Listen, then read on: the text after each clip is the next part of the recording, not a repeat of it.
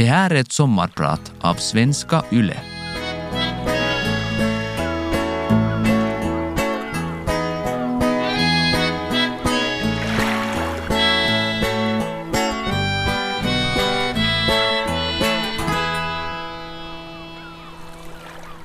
Jag är den lite konstiga flickan från Borgo. Varför säger jag så? Jo, därför att jag alltid varit otroligt driven och haft många järn i elden. Men samtidigt har jag också varit väldigt försiktig och osäker. Till och med lite rädd av mig. Jag har alltid gått en inre kamp för att övervinna mina rädslor. Jag har velat bevisa att jag vågar och kan och ibland har jag hoppat rakt ut i det okända. Det här både på gott och ont. Jag har försatt mig i situationer där jag önskat att jag inte varit. Men livet lär. Och jag har blivit mer ödmjuk med åren. Både mot mig själv och andra. Men jag har också fått göra det mesta jag drömt om hittills. Jag har jobbat som modell och skådespelare, släppt skivor, skrivit låtar, spelat gig med ett eget band och designat totaliga klädkollektioner för min kollektion. Och vet ni vad? Jag drömmer fortfarande. Ingen ska komma och säga vad jag kan eller inte kan göra. Drömmar har ingen åldersgräns. Så dröm på du också. Mitt namn är Janina Fry och jag är din sommarpratare idag. Min första erfarenhet av modebranschen, efter förstås drömmar och lekar om den så kallade glamorösa världen med vännerna på gården och i skolan, fick jag då jag gick på en mannekängkurs. Jag var 14 år gammal och varje vecka reste jag med buss från Borgå till Helsingfors. Då kursen eh, var över fick en del av flickorna menande blickar och en uppmaning att söka vidare till yrkesmodellkursen som följde. Jag kommer ihåg att jag blev en aning besviken då jag inte blev rekommenderad att söka vidare. Men faktum är att jag har inte sett en enda av mina dåvarande kurskamrater i branschen efter det. Trots att jag fick avslag från kursen började jag senare med lite modelljobb på hemmaplan i Borgo och även i Helsingfors. Jag har alltid varit en drömmare. Jag har ända sedan liten drömt om något mera och större än det som just då varit omkring mig. Jag har dansat, sjungit och uppträtt sedan jag lärde mig gå. Som barn älskade jag att organisera shower med mina kusiner och vänner. Jag glömmer aldrig när jag försökte lära min vän Tanja att sväva smidigt på scenen som en fjäril då vi sjöng Carola Häggkvist-låtar på barndomshemmets gård i Borgå. Främling, vad döljer du för mig? Hördes säkert i hela landskapet och grannskapet. och med mina kompisar lekte vi ofta Agneta och Frida från ABBA och klippte ut bilder på dem från veckotidningar redan i förskoleåldern. Inte att undra på att min hobby från 12-årsåldern var cheerleading och dans. Vi uppträdde på olika evenemang och mellan halvlekarna under amerikanska fotbollsmatcher. Borgos eget lag heter Butchers. Jag tillbringade mina barndoms och tonårssomrar ute i finska skärgården på vår sommarstuga på Emsalö. Jag älskade att vara i skärren. Jag har alltid varit lyckligast när jag fått vara nära havet och känt min energi växa av de friska havsvindarna. Ute på Emsalö var det lätt att drömma och jag var en drömmare redan som barn. Och lite av en naiv romantiker som tonåring. Jag fantiserade om framtiden och också om att hitta äkta kärlek. Jag tror att förmågan att drömma och fantisera har varit lite av en överlevnadsmekanism för mig. Jag minns att när jag som barn mådde dåligt eller var rädd så kunde jag alltid fly till mina drömmar. För de kunde ingen ta ifrån mig. Jag var 19 år gammal då min vän rekommenderade mig att delta i Miss Finland-tävlingen och där i samma veva i Fröken Finland-tävlingen. Så men nej då. Fort bad jag av till internationella tävlingen Miss World. Det var en unik upplevelse för en ung småstadsflicka från Borgå och jag trivdes som fisken i vattnet. Jag älskade stämningen och den härliga internationella atmosfären och jag bara sög i mig inspiration av till exempel de välslipade latinska flickorna. Det var verkliga stora arenor för första gången. Tävlingen pågick i London och i Sydafrika.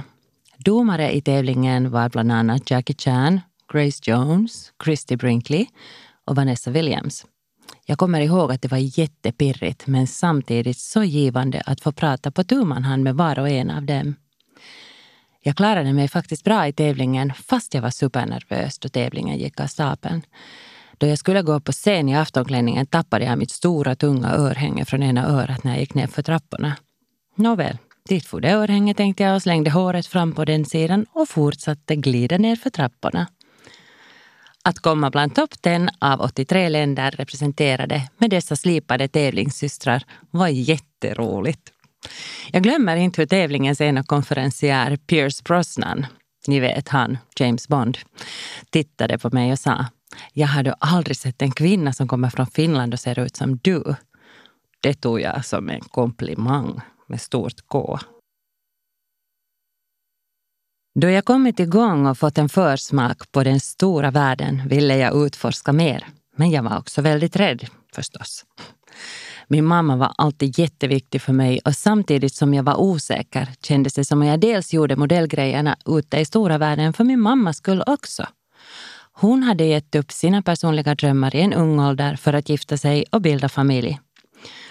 Mamma var klippan i vår familj som såg till att allting rullade och att vår familj hade allt vi behövde. Utan henne undrar jag hur det skulle gått för mig och mina bröder. För min pappa kunde man tyvärr inte räkna med.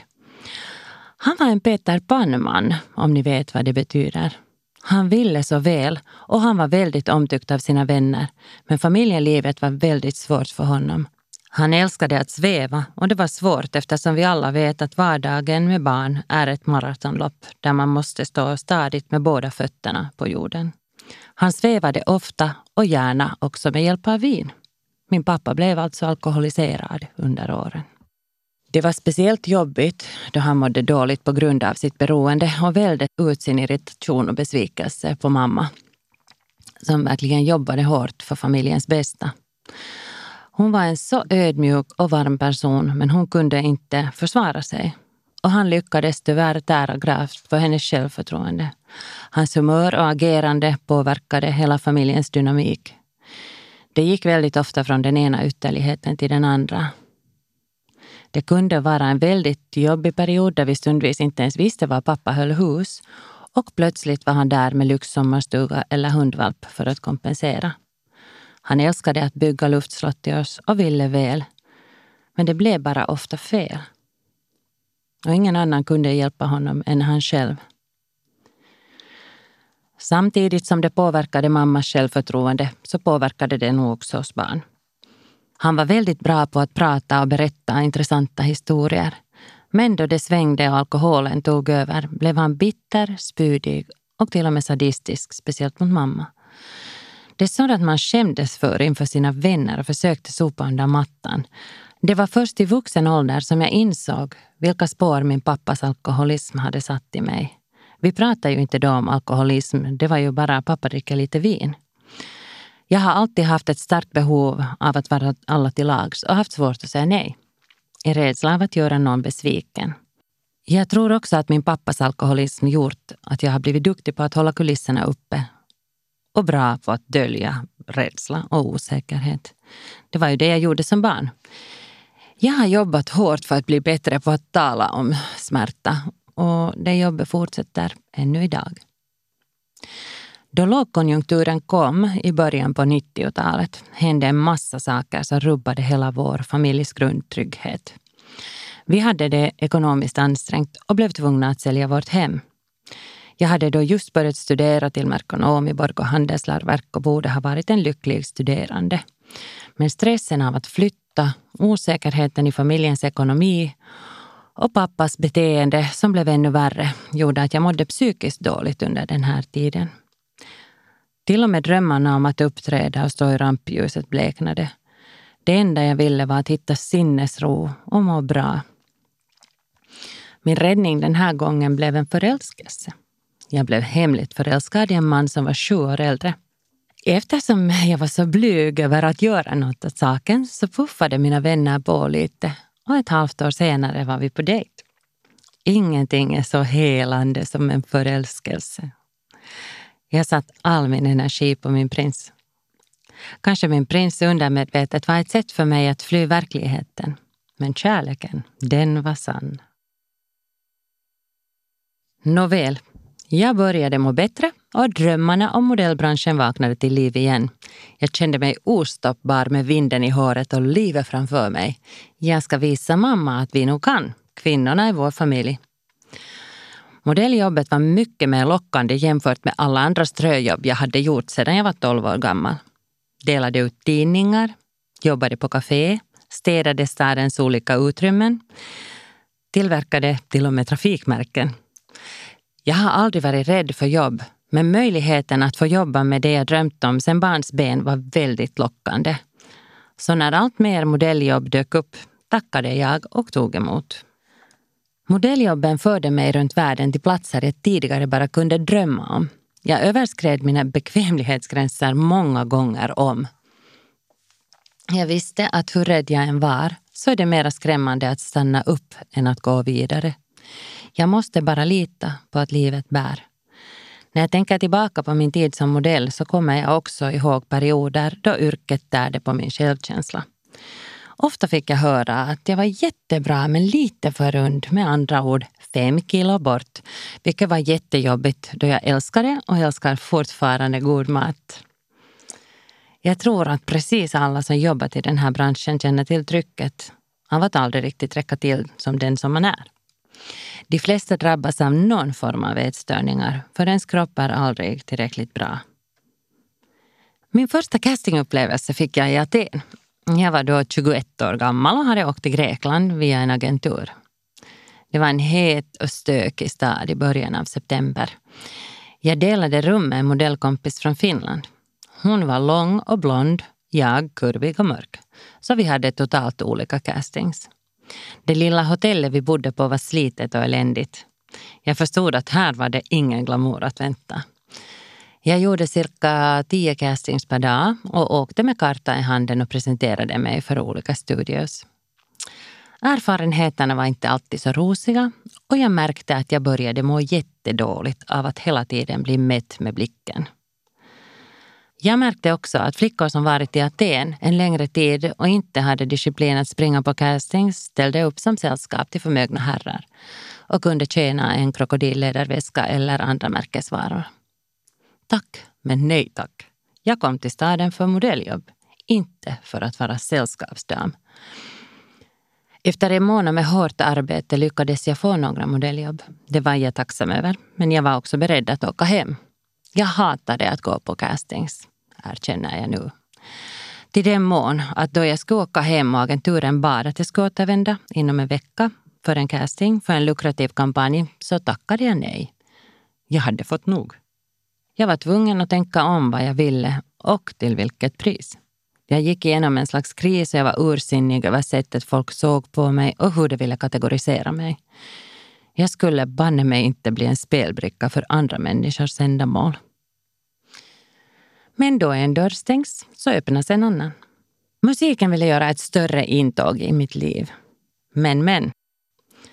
Allt som glimmar är inte guld, fick jag lära mig.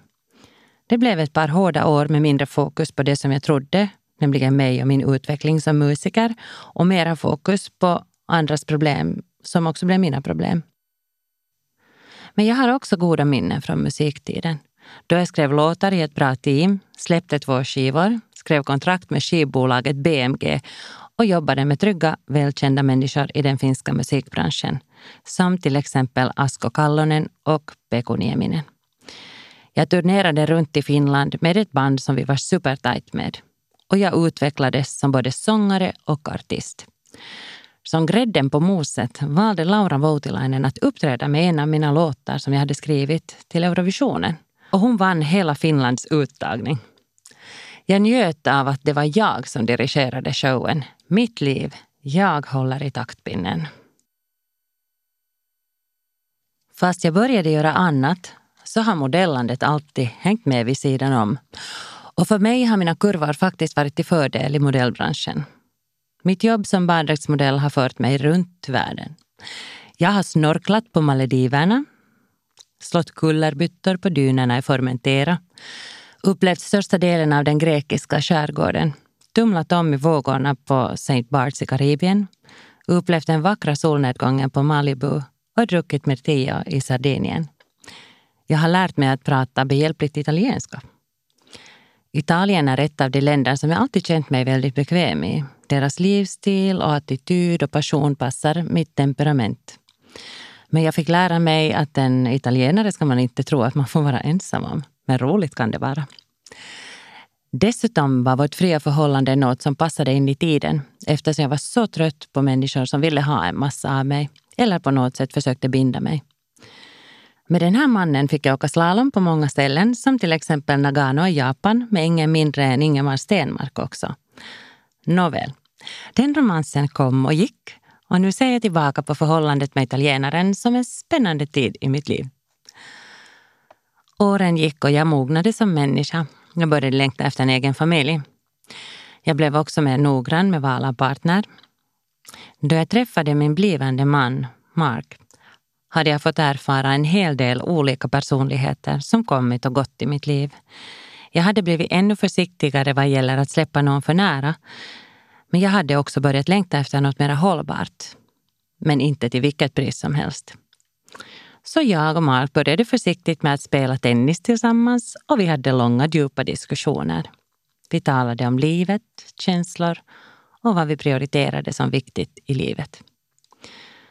Allt kändes annorlunda med Mark. Det var mera jämlikt och jag tyckte att han var så känslomässigt intelligent.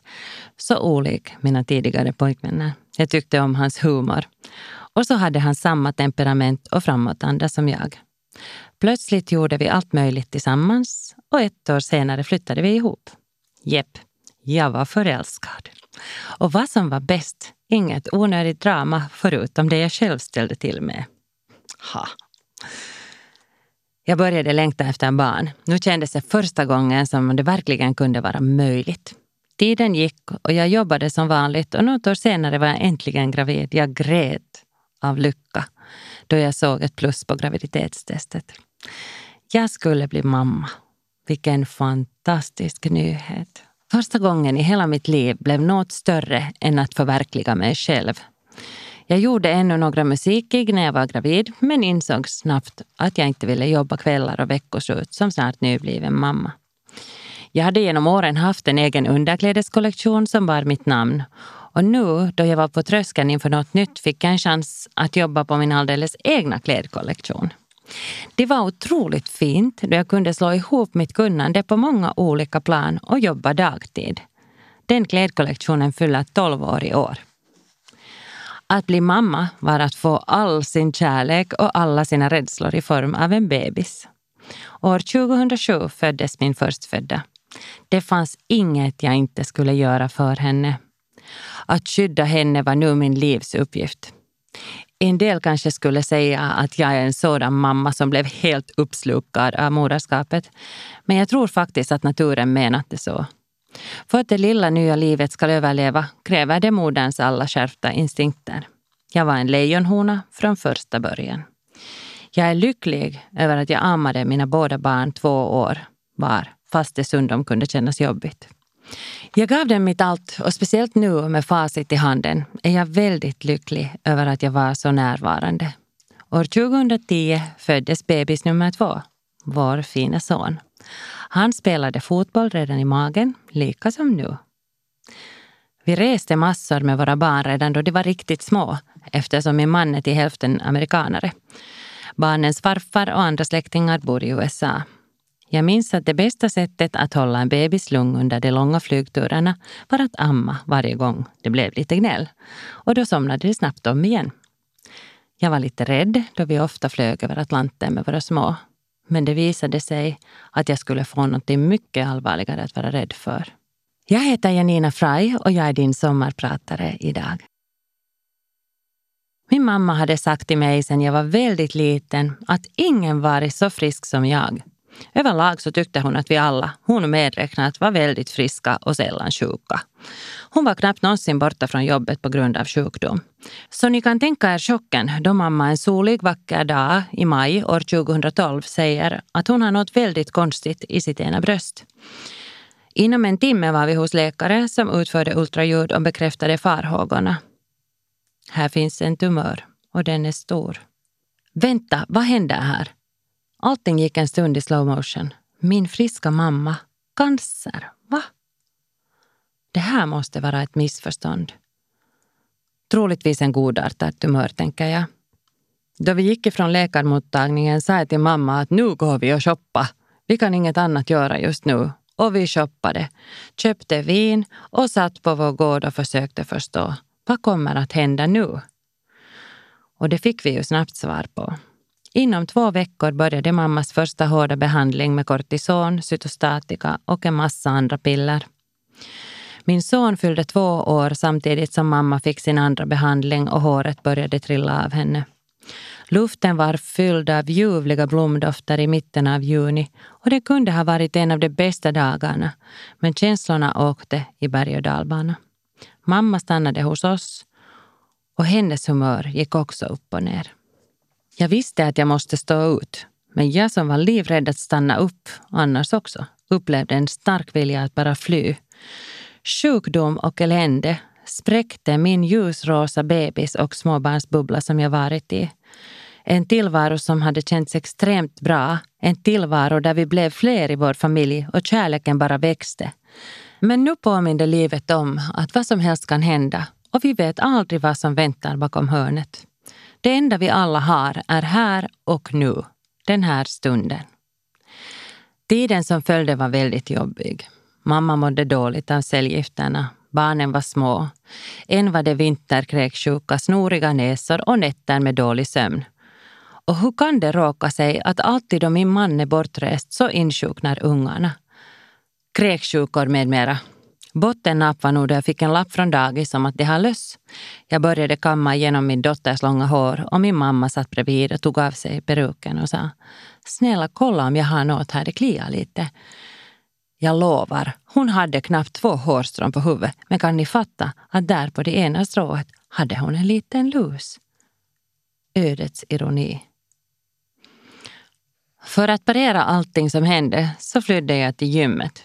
Men min kropp var trött av den långvariga spänningen och jag kom in i en fas då jag var livrädd att jag själv blivit allvarligt sjuk. Jag sprang på en massa undersökningar.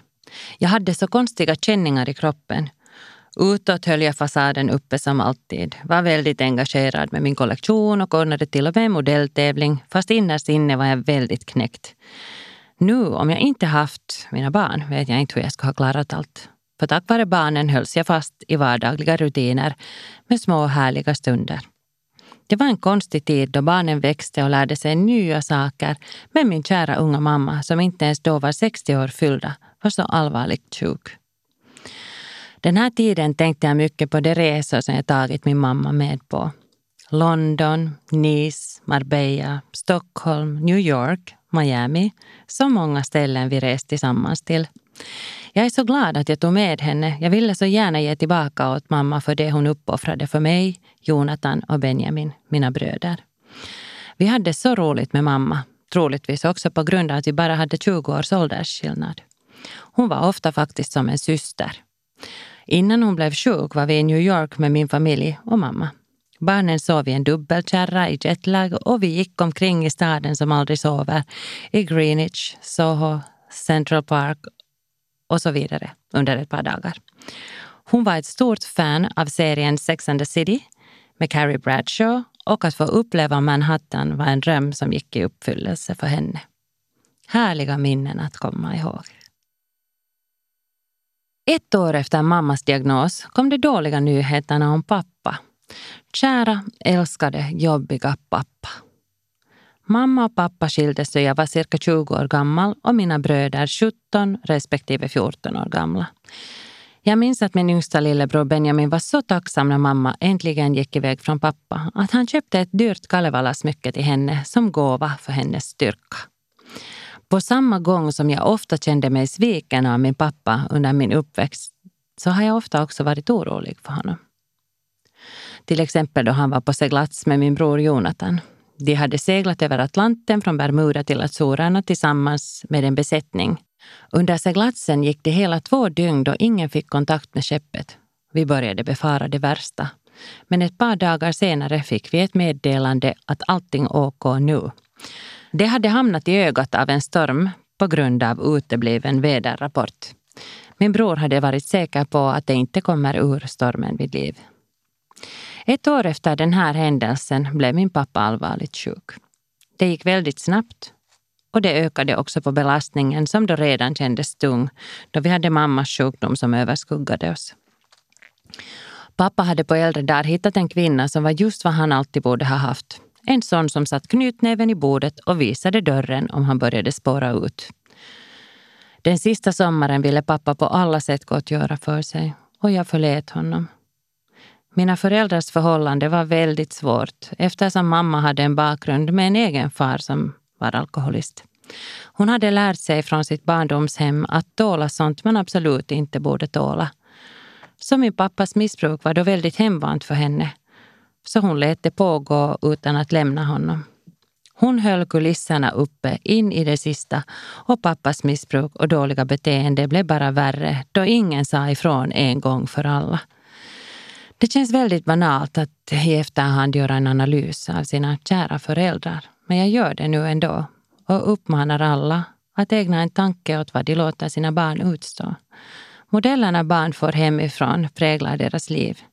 Ingen är perfekt, men man kan försöka undvika att föra släktens traumor vidare.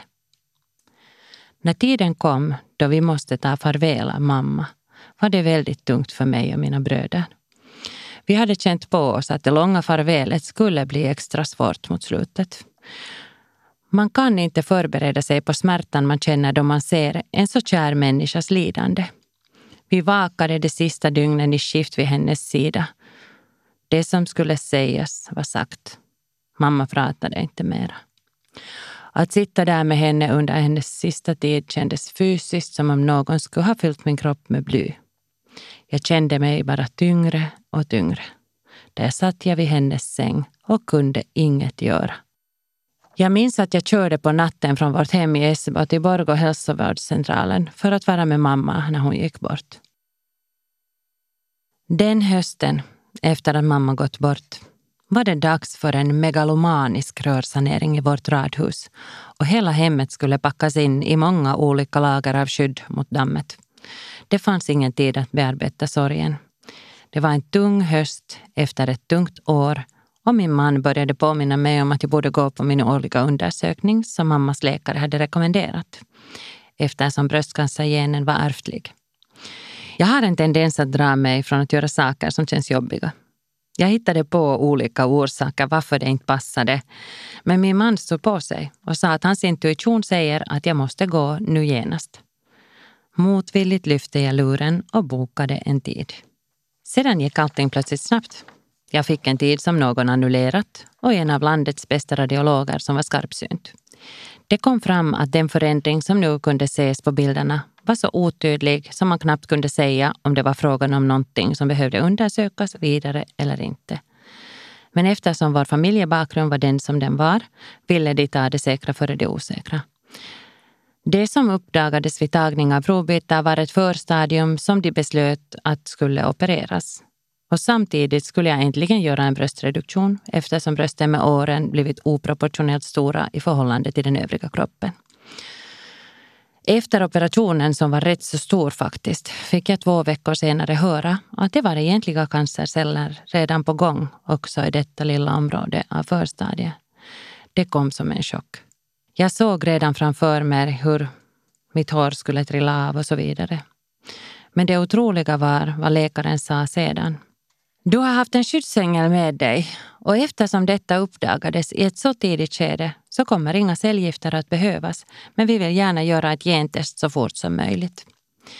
Kunde inte låta bli att tänka på min man som inte gav upp utan puffade iväg mig på kontroll. Hans intuition har troligtvis räddat mig. Jag kunde inte vänta mig det tråkiga resultat som testen påvisade fastän det väl inte var så långsökt med tanke på vår bakgrund. Det visade sig att jag hade genmutationen BRCA2. Min läkare föreslog att jag direkt skulle operera bort all körtelvävnad och så förklarade hon hur ingreppet går till och berättade att det görs rätt så ofta nu för tiden.